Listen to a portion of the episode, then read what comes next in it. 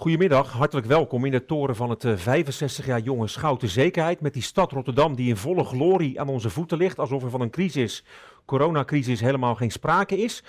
Dat was ook al zo die prachtige dag op 23 maart. Toen we op deze plek voor het eerste webinar van Schouten Zekerheid bij elkaar waren. Toen ging het over corona en uw bedrijfscontinuïteit. En vandaag praten we over WGA risicomanagement besparen op uw personeelskosten. Mij is als relatieve buitenstaande in de voorbereiding op deze dag duidelijk geworden dat dat in forse mate kan. Het gaat vandaag dus feitelijk om het financieren van de kosten van arbeidsongeschiktheid. Twee deskundigen aan tafel die ik zo aan jullie voorstel. En we zijn vandaag met dit online seminar, webinar dus, bij elkaar met relaties van Schouten Zekerheid, van Boelaars en Lambert, van leden van de netwerkverenigingen waar Schouten deel van uitmaakt en van een aantal brancheverenigingen.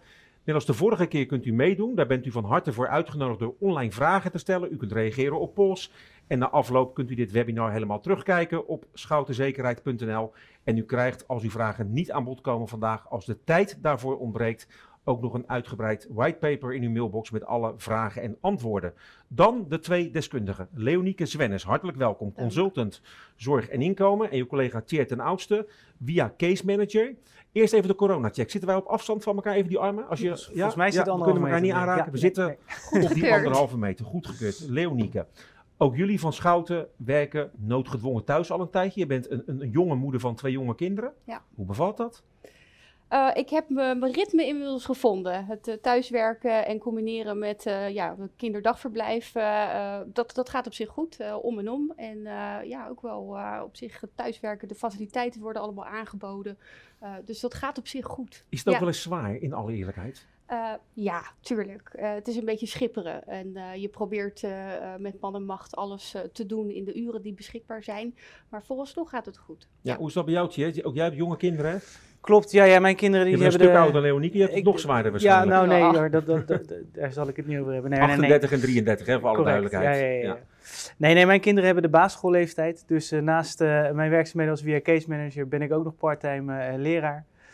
vooral ook nog parttime kinderopvang medewerker. Dus ja, die combinatie is soms wel eens lastig. mijn vrouw werkt ook nog in een vitale sector, in het onderwijs. Dus uh, het is even zoeken naar, uh, naar een ritme. Maar uh, goed, we zijn nu in week 5 en het ritme is al wel gevonden. Dus. Mis je collega's? Hoor ik namelijk veel mensen zeggen die ook thuis aan het werk zijn. Ja, ja. ja, ja. en we hebben, we hebben alle faciliteiten. Teams wordt veel gebruik van gemaakt. En ik merk ook wel dat als ik collega's bel, dat ik dat het liefst via videobellen doe. dat je nog een klein beetje contact hebt met elkaar. Um, maar het klopt, net even het, het, grapje bij het koffieapparaat is er niet. Uh, ik, ik ja. zit hier trouwens, voor de mensen die niet weten, met een man die ooit een marathon liep. Ik weet de tijd uit mijn hoofd, die heet 356 44. 44, correct. En een ja. voormalig trappenloopkampioene van Schouten Zekerheid. Twee sportmensen, helemaal fit.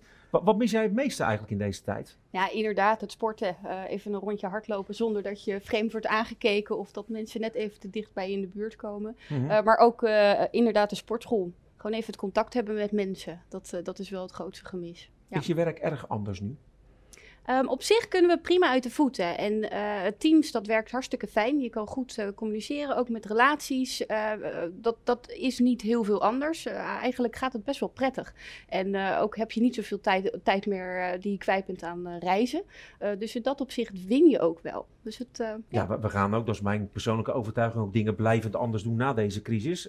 want op afstand vergaderen gaat ook goed hier, toch niet? Dat is, nee, klopt. Ja, alle faciliteiten zijn er. En het was in het begin wel even wennen. En uh, de service moesten het ook allemaal nog aan kunnen, want ineens gingen er wel heel veel MB's over die, over die lijn. Mm -hmm. Maar ja, goed wat ik zeg, week 5 zitten we en uh, alsof het eigenlijk niet anders is geweest. Ja. Het gaat vandaag uh, over WGA risicomanagement. Feitelijk zei ik al over het financieren van de kosten van arbeidsongeschiktheid. En dat is best, laten we dat aan het begin even vaststellen, best complexe materie. Jouw, jouw wereld, jullie wereld verandert elke dag. Klopt, ja. ja. Kijk, uh, wat dat betreft maak ik me niet zoveel zorgen of ik uh, over uh, tien jaar nog steeds werk heb. Dit, in dit wereldje, de sociale zekerheid, verandert de wet en regelgeving best rap. iets waar een ondernemer ook niet altijd op zit te wachten. En daarom mm. hebben wij ook dienstverlening daarvoor ontwikkeld om die ondernemer te helpen en te ondersteunen bij al die wijzigingen op het gebied van wet en regelgeving. Ja, je, deed wat mij betreft in de voorbereiding, Tjeerd, een bijna Cruyffiaanse uitspraak. Je zei, het is mijn grote uitdaging. Ik heb het opgeschreven om relaties deelgenoot te maken van mijn kennis. Dat klinkt nobel, zou ik bijna zeggen. Ja, nee, ja, maar dat is wel de kern. Kijk, ik, uh, ik moet je eerlijk zeggen, het leukste van mijn werk vind ik om uh, mijn kennis ook te kunnen delen met, mij, met de ondernemers. En in deze tijden van, van crisis sta ik ook het liefst met de handen aan het ziekenhuisbedden, et cetera, et cetera. Nou, daar zit niet mijn kennis en achtergrond. Mijn kennis en achtergrond zit op sociale zekerheid. En in deze tijd willen wij er ook zijn voor die ondernemers. Om ook mogelijk op lange termijn een goede besparing te kunnen realiseren. Op het onderwerp waar Leonieke en ik in zijn gespecialiseerd. Ja, ik zie trouwens al dat heel veel mensen reageren. We zijn goed te zien en te horen. Goed dat mensen meedoen. Blijf dat doen. Blijf reacties sturen. Blijf vragen stellen. Dan gaan ze proberen allemaal te behandelen. Uh, Leonieke, eerst wat we over de inhoud praten. Hè. Hij zegt: Ik vind het leuk om anderen mee te nemen in zo'n proces. Val ik maar even vrij samen om mensen uh, beter te maken op het gebied van kennis. Ja. Wat is jouw uh, drijfveer om dit te doen eigenlijk? Echt ja. organisatie breed. Dus uh, niet alleen uh, voor één persoon, maar uh, voor mm -hmm. meerdere personen iets kunnen betekenen. En op deze manier, binnen deze rol bij Schouten, kan ik dat vervullen. ik neem relaties mee van A tot Z, als je het hebt over preventieve maatregelen om medewerkers gezond te houden. Maar ook tot aan pensioenleeftijd. En waar we het vandaag over hebben, gaat echt ja, eigenlijk in die tussenperiode over ziekte.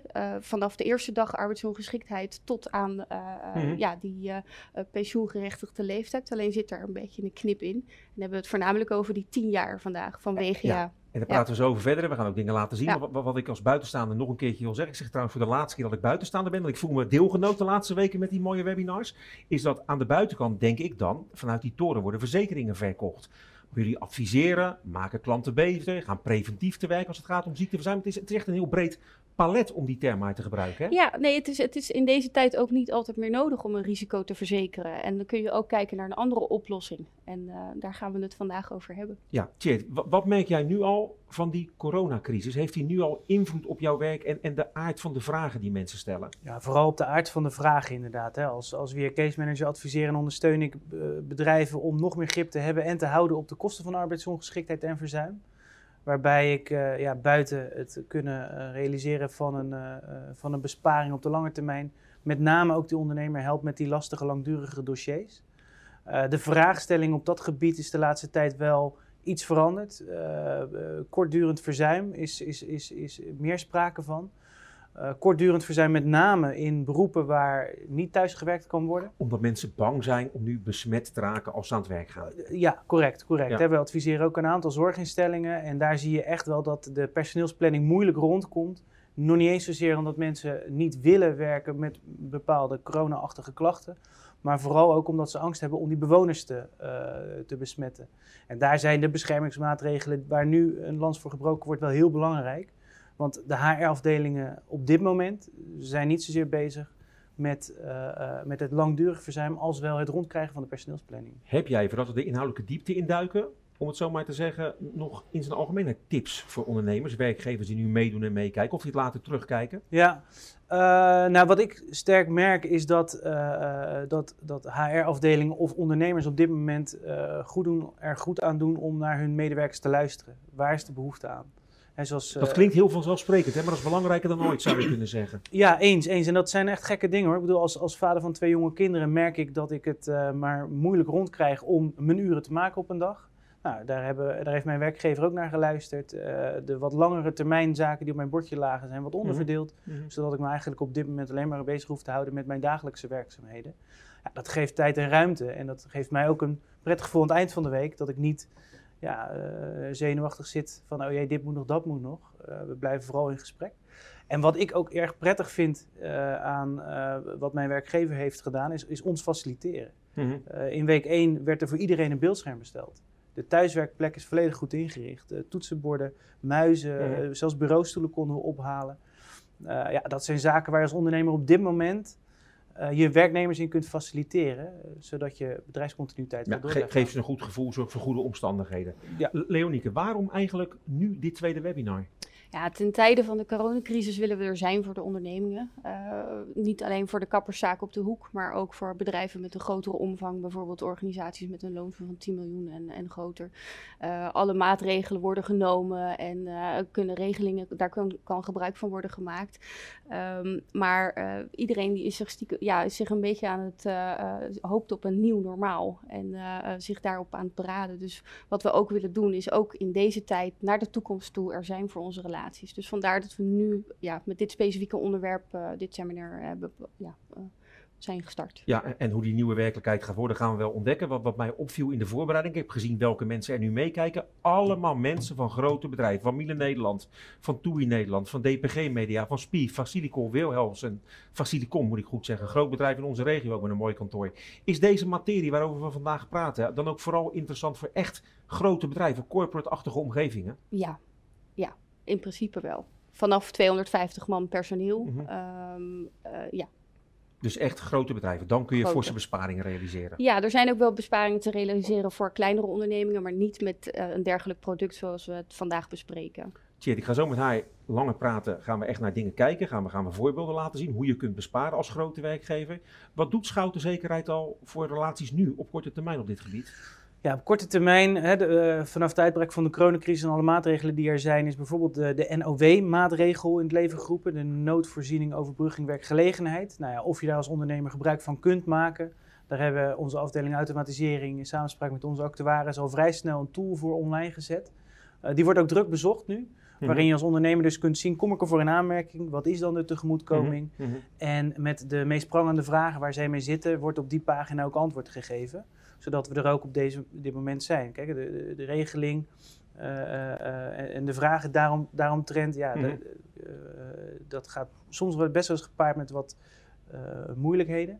Dus op korte termijn denk ik dat wij de ondernemers en onze relaties best wel kunnen helpen met die, het inregelen van die NOW-regeling. Mm -hmm. daarnaast is er, en dat, dat, dat dus staat los van die coronacrisis, ook per 1 april de mogelijkheid om uh, transitievergoedingen die ondernemers hebben betaald in het verleden aan medewerkers die als gevolg van twee jaar ziekte arbeidsrelaties verbroken, uh, terug te halen, terug te vorderen, Ook dat te laten om komen. veel geld, hè? Dat gaat, als je, als je bedenkt dat de gemiddelde transitievergoeding ongeveer 20.000 euro eh, per medewerker is. Je mag het met een terugwerkende kracht van vijf jaar ophalen. Ja. En uh, het gaat om één of twee medewerkers per jaar. Dan heb je het al gauw weer over 100.000 euro wat je in basis gewoon op kunt halen. Dus op korte termijn de NOW-regeling, op de middellange termijn de uh, tegemoetkoming transitievergoeding, waar wij, ons, waar wij onze ondernemers bij helpen en ondersteunen. En op de lange termijn het eigen risicodragerschap in volledig eigen beheer. Waarbij, en dat zullen we in dit seminar ook laten zien, voor een ondernemer met een loonsom van 15 miljoen, 500 medewerkers, een besparing is te realiseren in vijf jaar van 700.000 euro waarbij uh, de eerste twee jaar zelfs 280.000 euro bespaard kan worden. Ja, gaan, gaan we echt minder uitgaven. U kijkt trouwens naar het webinar van Schouten Zekerheid van Boulas en Lambert. U bent met een aantal mensen vertegenwoordigd. Online, wij met z'n drieën in die prachtige toren van Schouten. En doe lekker mee als u later bent ingeschakeld. We praten door met Leonieke. Svennis over het eigen risicodragerschap. Om welke kosten gaat het nu precies? Waar hebben we het over met elkaar? We hebben het over de kosten van medewerkers die arbeidsongeschikt worden. Uh, een werkgever is daarvoor 12 jaar uh, verantwoordelijk, financieel verantwoordelijk. Mm -hmm. um, en uh, als we het hebben over WGA, het volledig eigen beheer, hebben we het voornamelijk over die 10 jaar die voor rekening komen van de werkgever. Eerste twee jaar zijn sowieso voor rekening van werkgever conform wetgeving. En daarna zie je ze terug um, ja, op een manier uh, die ik straks nog zal toelichten. En nog eventjes, hè. Jullie zitten midden in die materie. Weten er veel of alles van? Nou, laten we zeggen, uh, uh, ongeveer in het midden tussen alles en veel. Is jouw ervaring, Leonieke, dat dit voor veel ondernemers die gewoon lekker hun bedrijf willen runnen, ook een ver van mijn bedshow is? Uh, ja, niet bij elke organisatie. Zeker als je kijkt naar grotere organisaties, is dit wel materie die ze zeker vaak ook zelf uh, in huis beheersen. Mm -hmm. um, alleen als we kijken naar de verschillende producten en voornamelijk het volledig eigen beheer, is dit een, uh, ja, vaak een onbekend terrein. Ja, het, het, gaat dus, beste mensen, over die tien jaar na de eerste twee jaar. Daar gaat ook de eerste stelling over waarop u nu kunt reageren. Want wat denkt u thuis, achter uw laptop, op de zaak, toch op kantoor met die veilige anderhalve meter afstand? Wat denkt u dat een zieke medewerker u als werkgever kost over een periode van die door Leonieke al genoemde 10 jaar? Dat is de eerste vraag aan u. U kunt kiezen uit een uh, drietal opties. A, 150.000 euro. B, ietsje meer 2 ton, 200.000 euro. En C, 250.000 euro. Er wordt volop gestemd zie ik in mijn scherm. De meeste mensen, ja, de, de, de twijfel is groot, althans de twijfel, de verdeeldheid is groot. Al zie ik nu dat er een enorme speurt plaatsvindt op het scherm in deze prachtige uh, locatie van Schouten Zekerheid. De meeste mensen, zelfs een overgrote meerderheid van bijna 70%, Leonieke, denken dat dat 2,5 ton, 250.000 euro kost. Hebben ze er kijk op of niet in Ze alle schat, eerlijkheid? ze schat net iets te hoog in. Oké. Als we kijken Dat is naar... een aardige manier om te zeggen, ze hebben het niet goed, hè? Eh, ja, maar misschien ook omdat men wat voorzichtig wil Ja, zijn. Hè? ja. Omdat ze denken van ja, het zal wel lager uitvallen. Maar het, het, is, eh, het antwoord is 2 ton. Als je kijkt naar... Ligt al eens toe, ja. Ja, het is inderdaad de eerste twee jaar. Dus maximaal 24 maanden heb je een, eh, een periode van eh, de ja. We gaan ook loongerelateerde... een sheet in beeld zien, hè, maar praat Ja. jij ondertussen door. ja, ja, Ja. misschien kunnen we de sheet nu laten zien. Dat is misschien handig. Ja, Dan weten we allemaal eh, waar we het over hebben. Ja. Het is eh, de eerste twee jaar loongerelateerde uitkering. Dus eh, maximaal eh, 24 Mhm, maanden. mhm. En vervolgens maakt men ook nog aanspraak op een vervolguitkering, mits men nog arbeidsongeschikt is. Mhm. Eh, daarna valt hij eigenlijk van het bordje af van de werkgever en is die weer voor rekening van eh, het UWV. Maar we hebben het voornamelijk over die oranje periode, dus de oranje vlakken die, eh, die men in beeld Na ziet. die twee jaar voor alle Ja. die periode van tien jaar. Wat zijn nu de verschillende mogelijkheden waarmee je die WGA-lasten kunt financieren? We hebben eigenlijk drie smaken. Eén is eh, het UWV. En de mag weer uit beeld trouwens. Praat jij door. Oké, Eén één is het UWV. Eh, daar hebben we te maken met een, eh, een gedifferentieerde premie, mogelijk verhoogd omdat er schadelast is. Eh, wat we zien in de praktijk is dat nu de gemiddelde premie bij het UWV 0,76% is.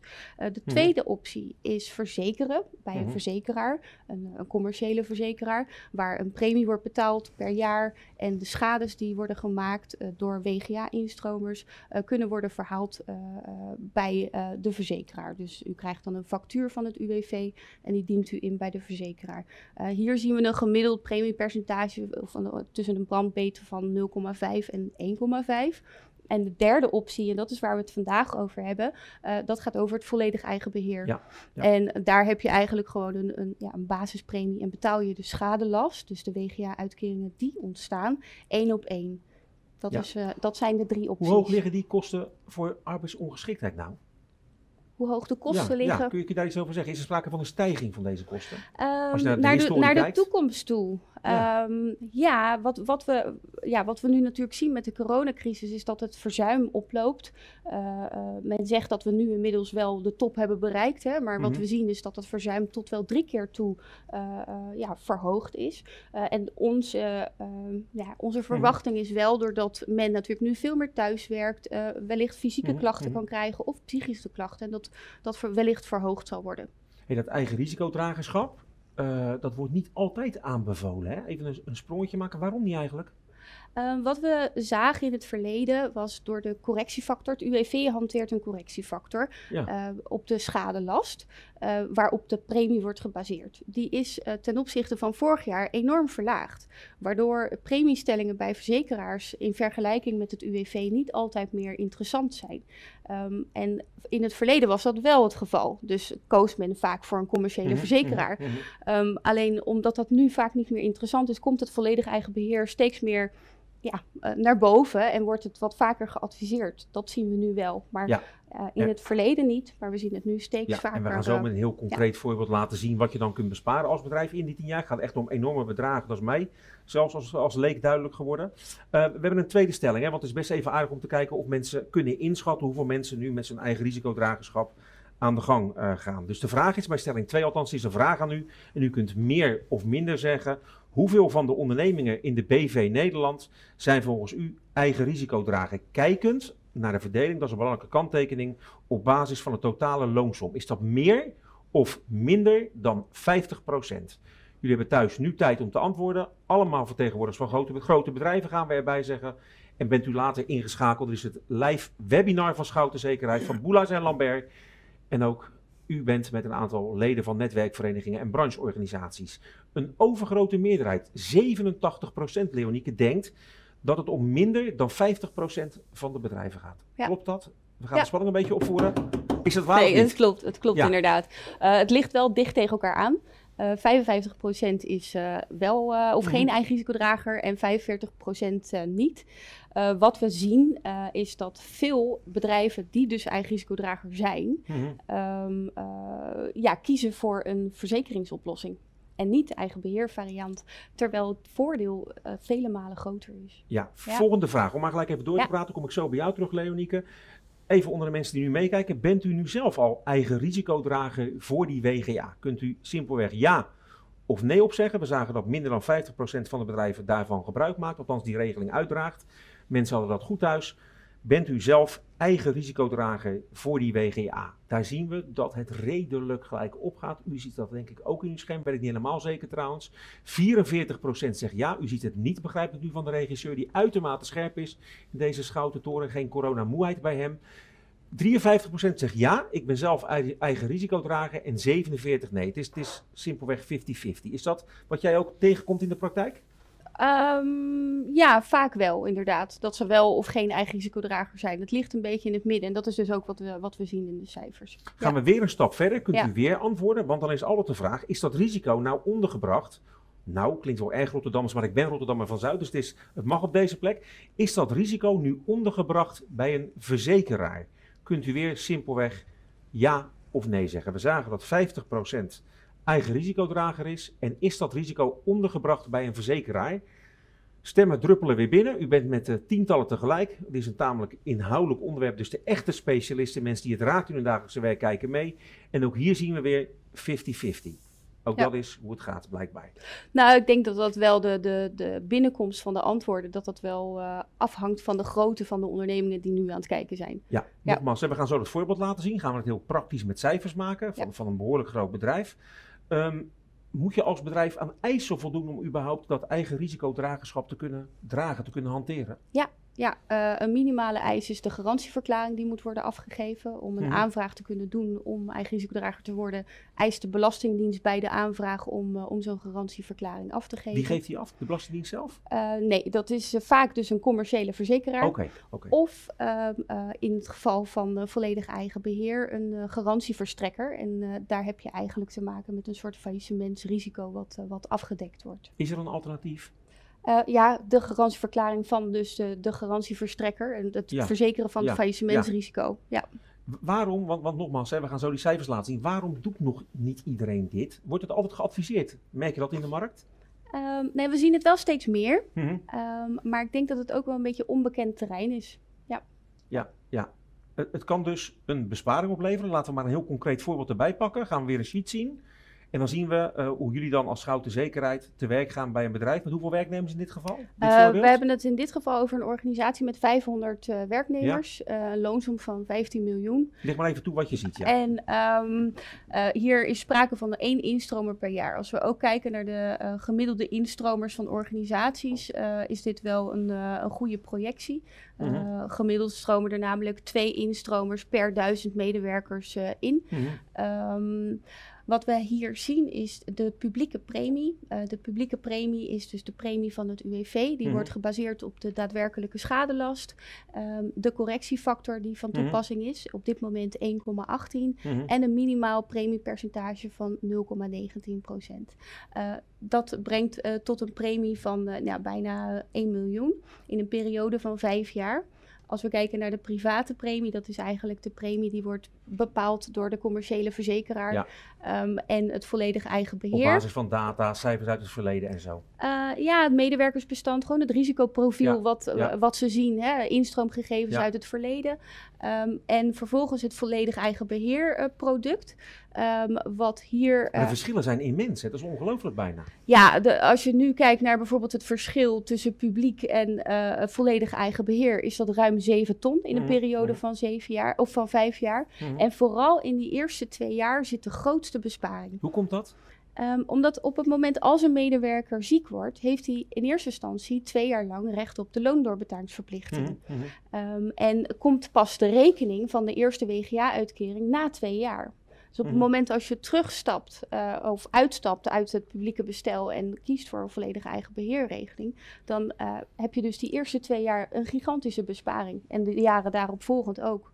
Ja. ja, je kunt dus helemaal volledig eigen risicodrager zijn. Je kunt ook een deel verzekeren, volledig verzekeren zelfs. Ja. Wat zijn de belangrijkste verschillen daartussen?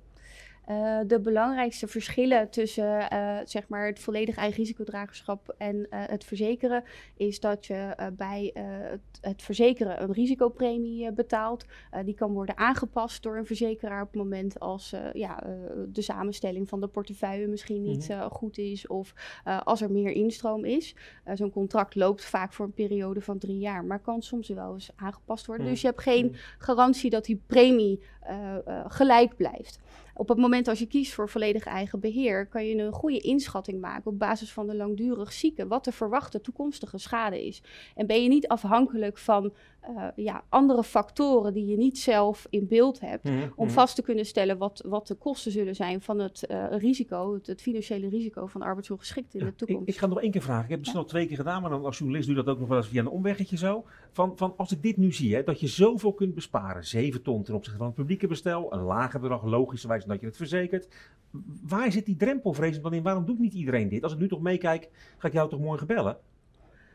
Ik, ik denk dat het misschien toch in een stukje onwetendheid zit. Ja. En Dat, dat we nu steeds meer zien, omdat de premies van het UWV en de verzekeraar zo dicht tegen elkaar aanzitten. En organisaties vaak niet terug willen naar het UWV, omdat je dan weer mhm. afhankelijk bent van een partij waar je uh, niet altijd kan sturen.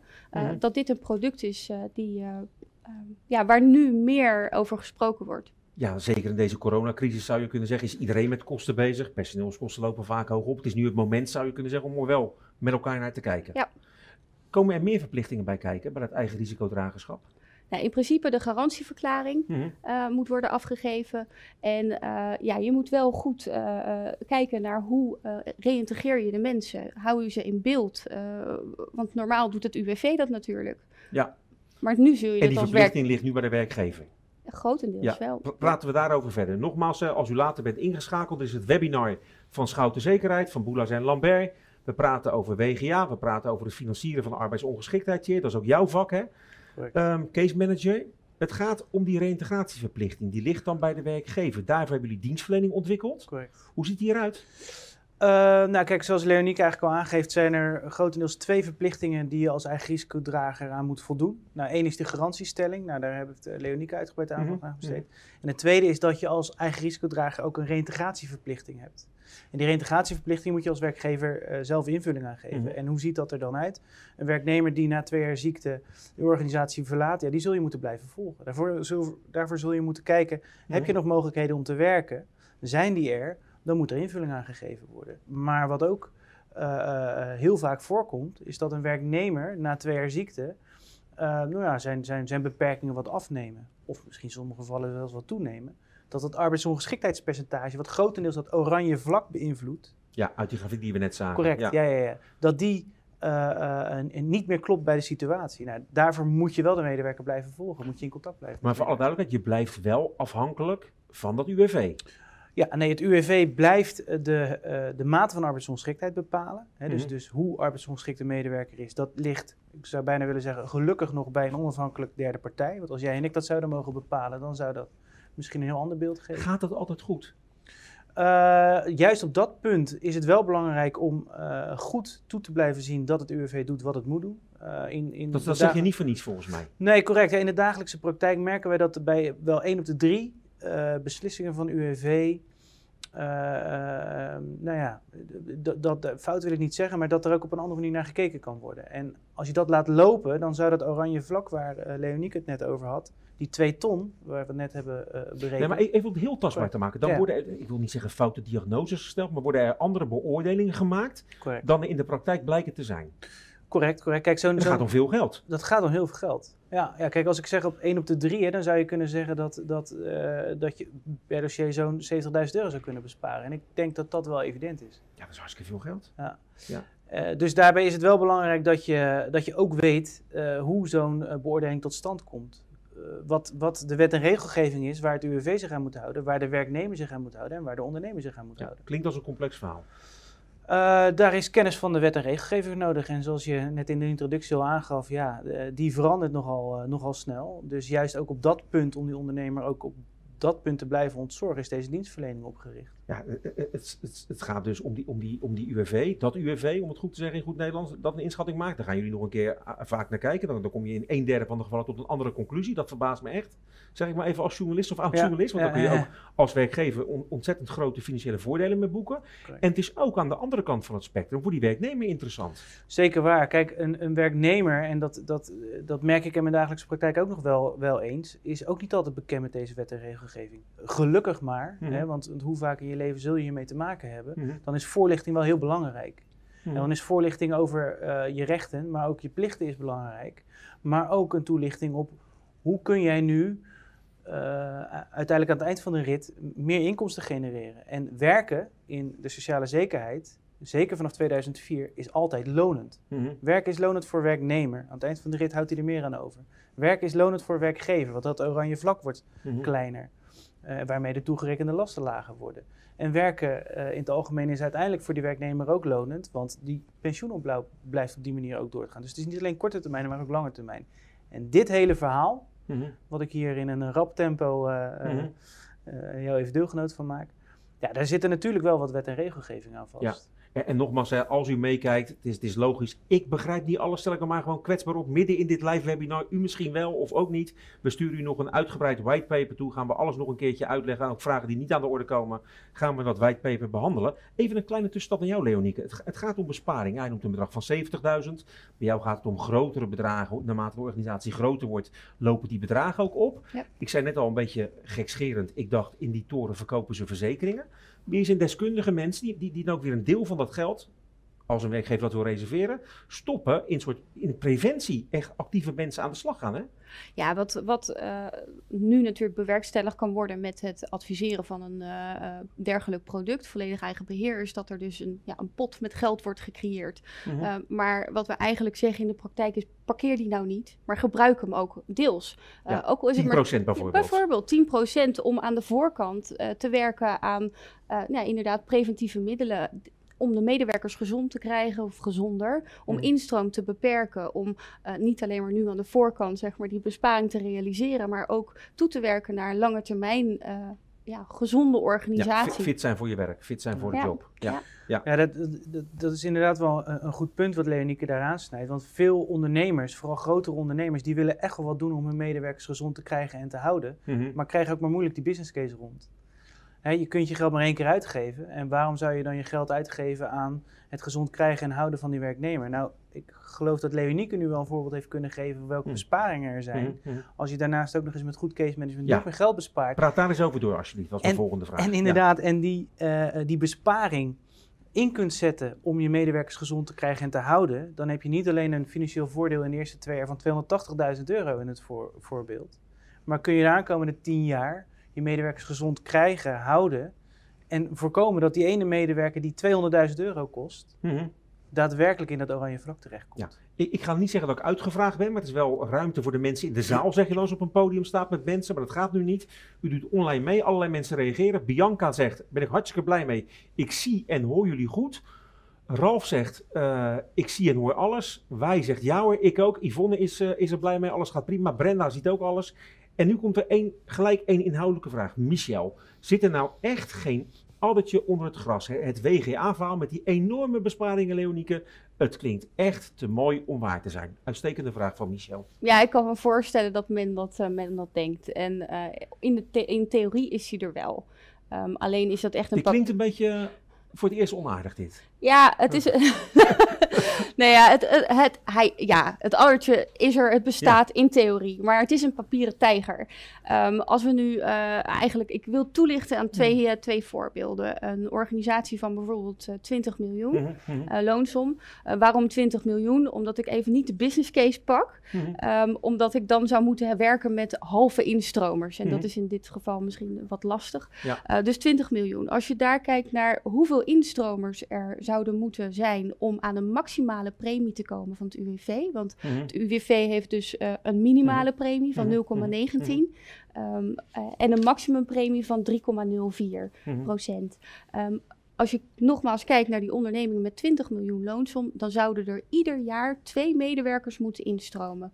Uh, en zouden er dus nu op, op papier al 20 mensen uh, in de WGA moeten zitten. Ja. Volledig arbeidsongeschikt. En, ook En die kans is echt nieuw. nou ja, in praktijk Ja. eh, zou het kunnen voorkomen, maar het, het, het, het, gebeurt bijna nooit. En als we kijken naar een organisatie van bijvoorbeeld 100 miljoen loonsom, Mhm. dan zou dat eh, ieder jaar zou dat 10 moeten zijn. Dus dat zou betekenen dat als je op de instroomlijst, hè, bij het UWV zou je een instroomlijst kunnen opvragen, dat er op dit moment 100 mensen op zouden moeten staan.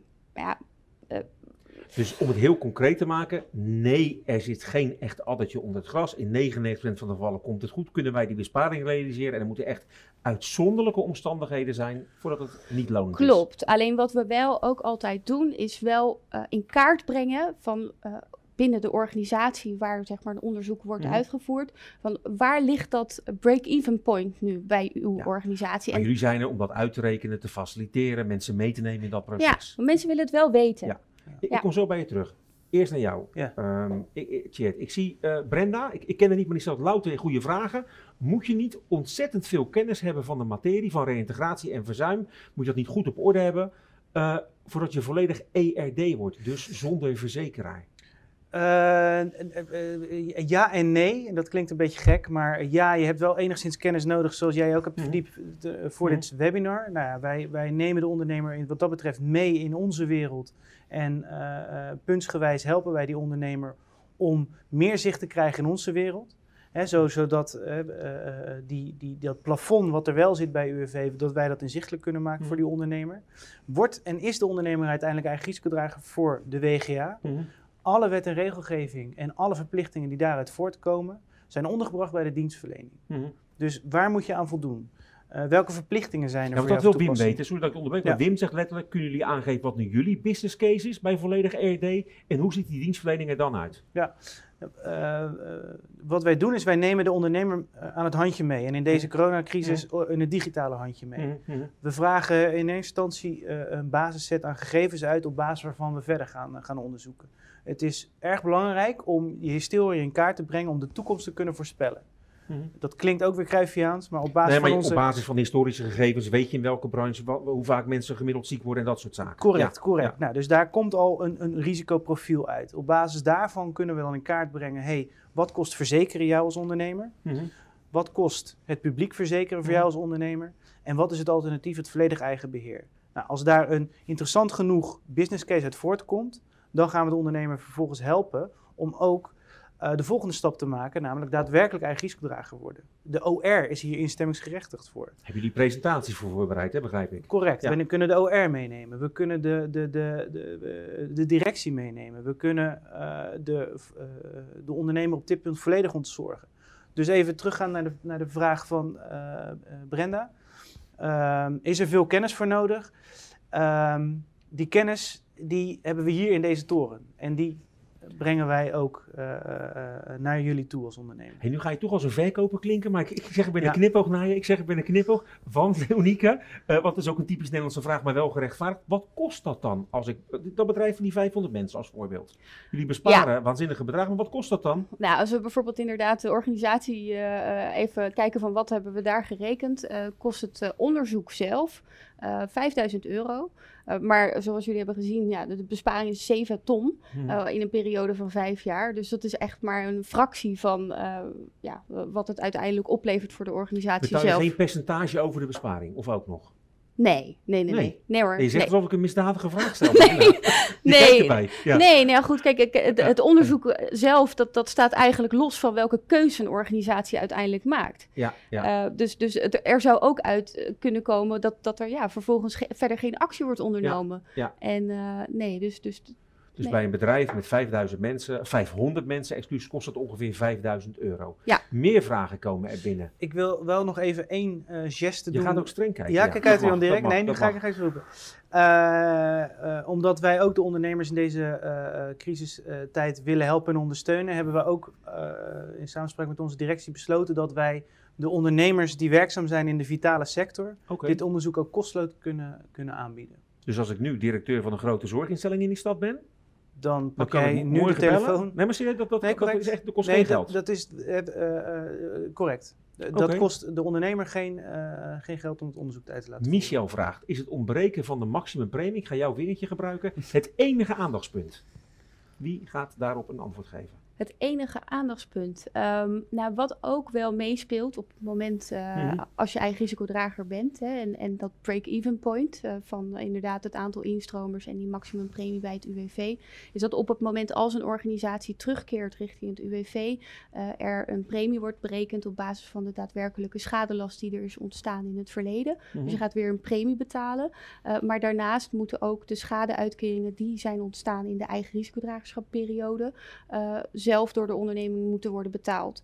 Uh, in de praktijk zien wij eigenlijk dat een besluit om volledig eigen risicodrager te worden, hè, in combinatie met zo'n garantieverklaring mm -hmm. en de uitkeringen één op één zelf te betalen, dat we dat eigenlijk niet zien. Mm. Zo'n besluit wordt genomen voor de lange termijn. En alleen op het moment als er een, een, uh, ja, echt een goede reden is om terug te keren, en dat is eigenlijk omdat bijvoorbeeld de loonsom onder de 10 miljoen ligt, mm -hmm. uh, of omdat uh, de, de, de, garantieverstrekker zegt van nou, dit risico is te ja, riskant voor ons, we trekken onze verklaring in, dat dan men terugkeert naar het UWV. Alleen we zien dat nauwelijks in de praktijk. Het is echt een besluit voor lange termijn. Ja. Vraag van Yvonne. Vragen blijven binnenstromen. Blijf dat doen. Doe lekker mee. Komen ze niet aan de orde. Komen wij later op terug met een whitepaper. Of u kunt een afspraak maken met een van de mensen van Schouten Zekerheid telefonisch in de komende dagen en weken. Yvonne stelt ook een logische vraag. Hoe ziet het risicoprofiel voor de werkgever eruit? Zeker als het niet je core business is. Het risicoprofiel van een ondernemer als het niet je core business is. Uh... Ik, ik, denk dat dat iets voor, is voor ons om, om zo'n onderneming continu uh, te ondersteunen en, en te sturen. En ja, uh, je, wij je nemen doet het. Je, je doet niet je trucje je bent weer weg als die besparing er is. Je blijft nee, wij nemen proces het, te ja, managen. Wij Ja. nemen het inderdaad over En, en zullen alert zijn op, uh, op, op zaken die spelen. Zo ook op het moment als je volledig eigen risicodrager bent, zal er regelmatig contact zijn om te kijken van welke instromers hebben een ja, soort high risk om Mhm. in te stromen. Zodat je continu dat risicoprofiel, waar ik denk dat het over gaat, in, in kaart hebt. En het allerbelangrijkste is de, de schade, die WGA-schade, ontstaat na twee jaar ziekte. Mhm, Als een medewerker twee jaar ziek is, dan heb je echt wel een beeld over hoe dat dossier zich gaat ontwikkelen. mhm. Dus je kunt die toekomstige eh, Ja. lasten, kun je ook veel nauwgezetter begroten en of reserveren op je Mhm, balans. mhm. Hè, dus dus het, het risicoprofiel van een ondernemer, eh, dat, dat, dat zal ieder jaar mogelijk wel iets veranderen. Maar je ziet het aankomen en je kunt er ook je maatregelen op nemen. Bianca zegt, geef het nou niet een hoop administratieve romslomp? Ja, dat is... Dat is Mag, mag ik iets zeggen? Ja. Ja, voor mij, als je je zaak op orde hebt, valt het wel mee. Of, of neem ik dan een te groot schot voor de boeg? Ehm, ja, eh, maar ik denk dat iedereen zich het liefst bezighoudt met hun eh, core Ja. business. En eh, dit is nou juist het, het- het- een van de oorzaken waarom, denk ik, ondernemingen nog geen eigen risicodrager zijn. Ehm, eh, Ja, mag, mag, ik, mag, ik je, mag ik je nog een keer onderbreken? Ik, ik denk dan, als ik ondernemer ben of op een HR-afdeling werk, ja, als dit tonnen oplevert, dan maar romslomp. Ja, Toch? en, en ik durf zelfs te zeggen als via case manager dat die romslomp er niet of nauwelijks is. Wij als Schouten Zekerheid helpen en ondersteunen u als ondernemer. Ja, Ja, ik merk dat de vuur in mijn ogen komt, omdat, omdat dit vaak een onderwerp is van... ja maar het dat zijn wel zal allemaal reden terechte vragen. Terecht, snap nee, ik nee, nee, volledig, dat mensen dat willen weten. Eh, eh, maar het is, het is een argument wat, wat eigenlijk volledig weg te nemen is, omdat we die ondernemer echt volledig helpen. Ja. Eh, met de aanvragen, met het indienen, met het opvolgen, met het risicoprofiel, met het reserveren van mogelijk toekomstige uitgaven. Het zijn allemaal onderdelen die we hebben verpakt in de dienstverlening. Dus Bianca, niet ongerust. En als je kijkt, je kunt rustig gaan slapen vanavond. We, ze gaan het met je regelen. Ja. Jolanda, misschien is het al aan de orde gekomen, weet ik even niet in dit verband. Wat zijn de kosten van een garantiestelling, wil Jolanda weten? Ehm, ja, onder andere een, een premie. Mhm. Eh, een een eh, garantieverstrekker die rekent wel een premie. Die Mhm. ligt eigenlijk in 99% van de, van de gevallen eh, ligt die onder de minimumpremie van het UWV. Dus dat is Mhm. één van de belangrijkste kosten. Eh, daarnaast heb je, nou ja, eh, je hebt een pakket aan dienstverlening nodig. eh, of je hebt het helemaal in huis. Maar dat komen we niet altijd tegen. Mhm, Dus mhm. kosten voor dienstverlening. Ehm, en eh, bijvoorbeeld het berekenen van, eh, van de toekomstige schadelast. Dus accountant eh, kosten komen erbij kijken. Dat zijn eigenlijk de, de meeste. Richard, een vervolgvraag op die vraag van Michel. Hoe wordt nu beoordeeld of een organisatie wel of niet in aanmerking komt voor die garantiestelling? Kun je dat nog een keertje duiden? Uh, ja, op, op het moment als we een onderzoek hebben afgerond, uh, dan uh, ja, blijkt bijvoorbeeld mm. dat volledig eigen beheer interessant genoeg is. Mm. en zal de garantieverstrekker, die het meest interessante aanbod hebben, heeft gedaan, in gesprek mm. gaan met een organisatie. Dus eigenlijk gewoon een één op één gesprek om even aan te voelen wat speelt er nu binnen de organisatie en hoe ziet het er in de toekomst uit. en daarnaast kijken ze naar jaarstukken van 2019. Ehm, maar omdat we nu natuurlijk best een bijzondere periode doorgaan. Uh, zullen ze ook kijken naar de kwartaalcijfers van 2020. Dus denk aan Q1, 2, 3. Ja. En die kunnen gezien deze situatie wezenlijk anders zijn. Hè? Afhankelijk van welke branche je natuurlijk actief bent. Ja, ja. en aan de hand van die stukken uh, zullen ze uh, ja, wel of geen verklaring afgeven. Ja, er druppelen nog steeds allerlei vragen binnen. Blijf ze stellen als we vandaag niet aan toe komen, want we gaan ongeveer naar een afronding toe bij dit webinar, dan uh, gaan we ze later aan u, uh, gaan we de antwoorden aan u geven met dat whitepaper of met een telefonisch consult. We gaan naar het slot toe. Ik zit te kijken. Ik werk ergens bij een van die grote bedrijven die vandaag meedoen. En ik, ik wil hiermee aan de slag. Wat moet ik nu als eerste gaan doen? Um, ja, bij ons. Uh, om, om, te vragen van uh, wat uh, is het traject. Wat we kun altijd... je dan voorbereiden op een gesprek met jou of met jullie allebei? Hoe kan dat? Ja, natuurlijk. Ja, je kunt inderdaad eh, zelf kijken van wat zou bij ons passen. Maar mhm. wat we eigenlijk doen op dit moment is uh, via Teams gewoon een, uh, een afspraak inplannen. Mhm. En tijdens het gesprek kijken van waar, waar liggen de knelpunten. wat we doen is inderdaad informatie verzamelen. Um, en, en daar gaan we, u, gaan we ze bij helpen. En een van de belangrijkste indicatoren om de toekomst te kunnen voorspellen is de werkervattingskas. Dat, is, dat wordt jaarlijks verstuurd door de Belastingdienst aan de ondernemer wat dat premiepercentage van het publieke bestel weergeeft. Mhm, mhm. Daar zit enorm veel informatie in op, waar, op basis waarvan wij al een inschatting kunnen maken. Een van die zaken is dat die historische schadelast daar ook in terugkomt. Dat moet je wel opvragen en aanvragen. Nou, dat zijn allemaal zaken die we na zo'n eerste gesprek of in voorbereiding van zo'n eerste gesprek opvragen. Waarmee wij aan de slag kunnen gaan om een, een, een, een, ja, ook min of meer een profiel op te kunnen stellen van nou A, het is uh, interessant om verder te gaan. B, het mhm. is uh, verstandiger om uh, eerst andere za zaken de revue te laten passeren. Um, en vervolgens kijken wij dus naar de jaarcijfers en dergelijke om de volgende stap te kunnen gaan maken. Nou, dat, is, dat, dat, dat lijkt een intensief traject, maar daarvoor moeten we als ondernemer ons in ieder geval die werkervattingskast versturen. En dan kunnen wij al een hoop doen op de achtergrond. Mhm, mhm. En op een bepaald moment moet de OR ook betrokken worden. Ja. Uh, een belangrijke datum voor dit eigen risicodragerschap is 1 oktober. 1 okay. oktober 2020. Dat is... Uh, ja, toch niet op vakantie met elkaar, dus we hebben tijd, zal ik maar zeggen. Daarom, ja. daarom. Dan moet er in ieder geval aangegeven zijn bij uh, de Belastingdienst... ik wil en ik word eigen risicodrager per 1 januari 2021 dan hebben we nog wel even de tijd om dat allemaal rond te En als je nu begint, heb je ook de tijd. Is, is de tijd voldoende om dat voor 1 oktober te kunnen doen met elkaar? Zeker waar, zeker waar. Ja, ja, en nu zei ik net van, van, dit is misschien wel bij uitzet de tijd om hier naar te kijken. De andere kant is dat veel bedrijven, ook dat is een, een, een waarheid anno 2020 in deze maand april, dat veel bedrijven overleven en misschien juist wel geen tijd hebben voor zo'n traject, ja. toch? Nee, dat, de, uh, dat kan. Hè. Uh, we kennen ondernemers, we begrijpen dat overleven heel belangrijk is.